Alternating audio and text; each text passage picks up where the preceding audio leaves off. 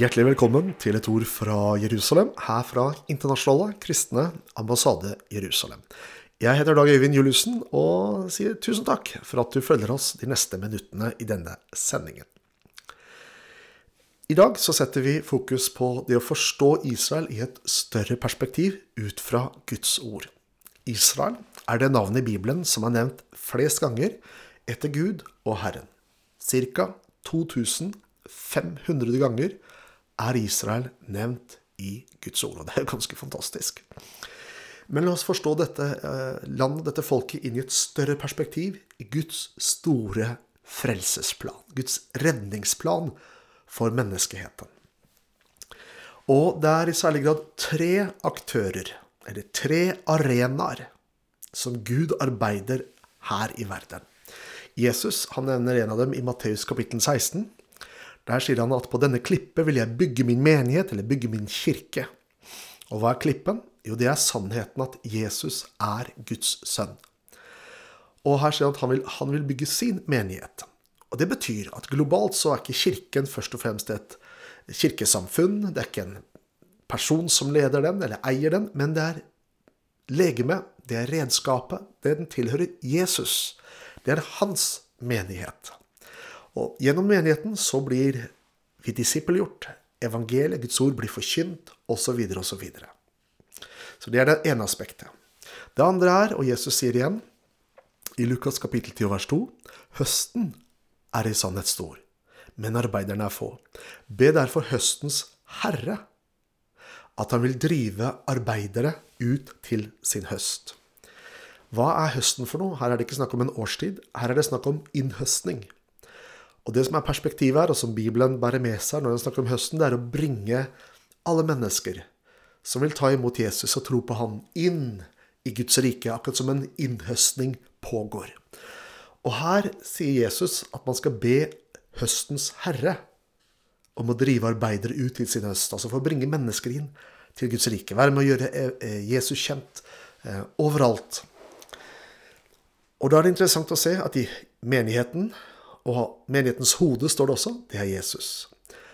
Så er det denne innhøstningen, alle menneskene som skal komme inn i Guds rike, som, som vil ta imot ham.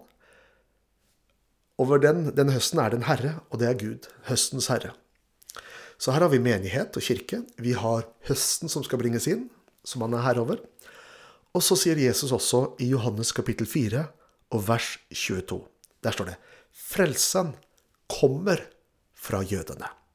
Og det er det tredje, eller egentlig den første arenaen, hvis jeg kan bruke et sånt uttrykk, det første legeme som Gud bruker for å bringe denne redningsplanen ut til menneskeheten. Vi kan si det på en annen måte.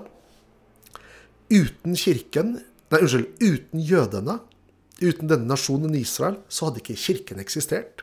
Det hadde ikke vært noen kristne i verden. Vi hadde ikke hatt noen bibel. Å snakke om misjon og innhøsting, ja, det hadde aldri funnet sted.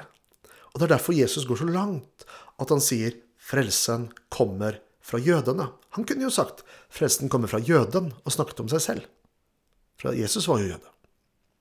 Det står at han er av Davids rotskupt, faktisk. Men han snakker ikke om jødene, han snakker om jødene som et folk. Og dette er en forståelse, et perspektiv, som Kirken opp gjennom historien dessverre i stor grad har mistet, og konsekvensene har vært fatale, hvis vi ser på det. Og det skal vi gjøre litt etterpå. Men poenget er, er at for å forstå Israel, for å forstå kirke og menighet, og for å forstå misjon og innhøsting, så må du se dem i et felles bilde. Og det er noe med at når vi ser bildet, så er det mye enklere å forstå puslespillbrikkene. Ser du på en puslespillbrikke, så er det vanskelig å skjønne hva dette handler om. Men ser du hele bildet, så blir det mye enklere. Og sånn er det også. Skal vi forstå Israel, så må vi forstå det med dette store perspektivet her. Og da skjønner vi at Israel, wow, dette folket jødene, som frelsen kommer fra, det har sannelig noe med meg som en kristen å gjøre. Og jeg påstår at alle kristne, alle troende mennesker i verden i dag, er berørt av, eller la meg si det sånn, Israel. Dette folket angår alle oss kristne. Det er det Paulus sier i Romerne 1527, at vi står i gjeld til dem, fordi vi har fått del i deres åndelige goder, og vi plikter derfor å tjene dem. Vi skal snakke mer sammen, men først så skal du høre et opptak fra, lovs fra lovsangen under sommerkonferansen vår i 2019 i Kristiansand. Og det er Maria Torgussen Helgerud med team som leder an i sangen 'Jeg vil gi deg, å Herre, min lovsang'.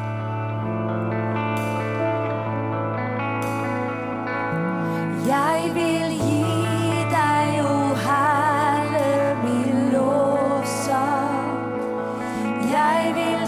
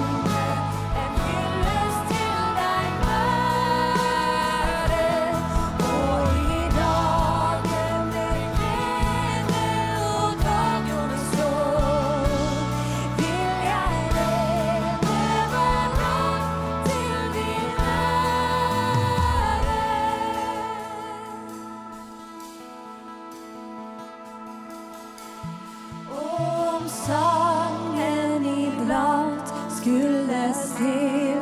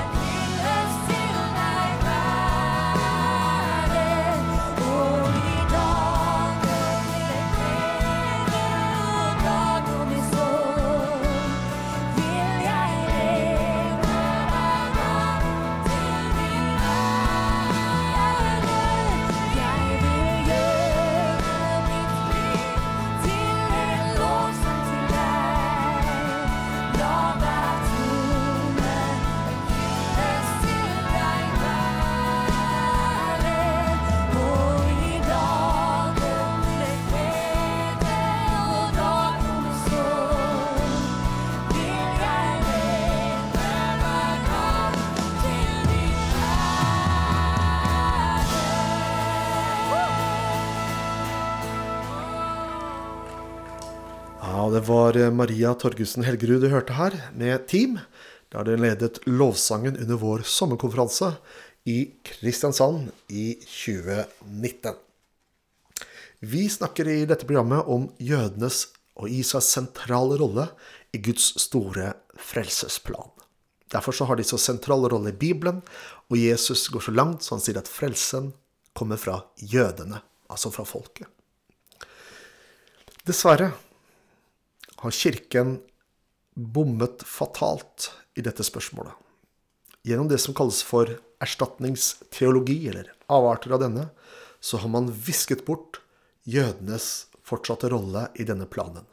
Man har avskåret dem, og skyvet dem ut fra denne planen. Selv om Paulus og Peter i apostelsgjengen er klinkende klare på det motsatte.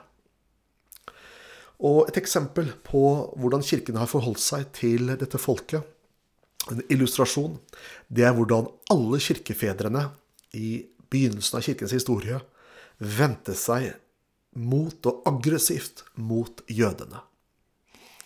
En av de store kirkefedrene han het Johannes Krysostomos. Han levde fra 347 til 407 etter Kristus.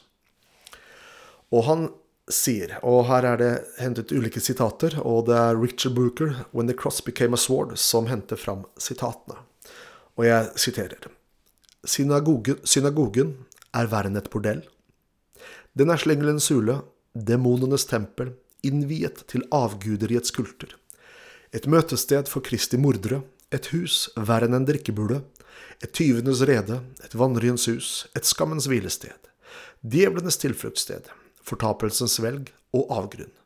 Av den grunn hater jeg synagogen, og jeg hater jødene av samme grunn. Dette var Johannes Krysostomos, som var viden kjent i sin samtid som en stor taler. Er ikke, det er ikke unntaket, det er heller regelen, dessverre. Og dessverre så brakte ikke Martin Luther, den store reformatoren, noen reformasjon i synet på jødene, men tvert imot, han fortsatte etter sam, det samme sporet med antipati, forakt og hat mot jøder. Denne historien her er dessverre det mørkeste kapitlet i kirkehistorien. Heldigvis så pågår det i dag en sterk oppvåkning blant kristne over hele verden. I dag finner du troende på alle kontinenter som endelig ber om fred for Jerusalem, og som velsigner Israel og det jødiske folket. Vi er dessverre ennå ikke i mål i denne prosessen, men det er helt klart at noe skjer i våre dager av kjærlighet, sympati og støtte som vekkes blant kristne i ulike kirkesamfunn over hele verden. Dersom du har lyst til å vite mer om vårt arbeid, så kan du besøke oss på ikai.no. Der kan du lese kommentarer, eh, analyser, daglige nyheter osv. Du har lyttet til et ord fra Jerusalem, fra Internasjonale kristne ambassade, Jerusalem. Jeg heter Dag Øyvind Juliussen og takker for følget. Gud velsigne deg.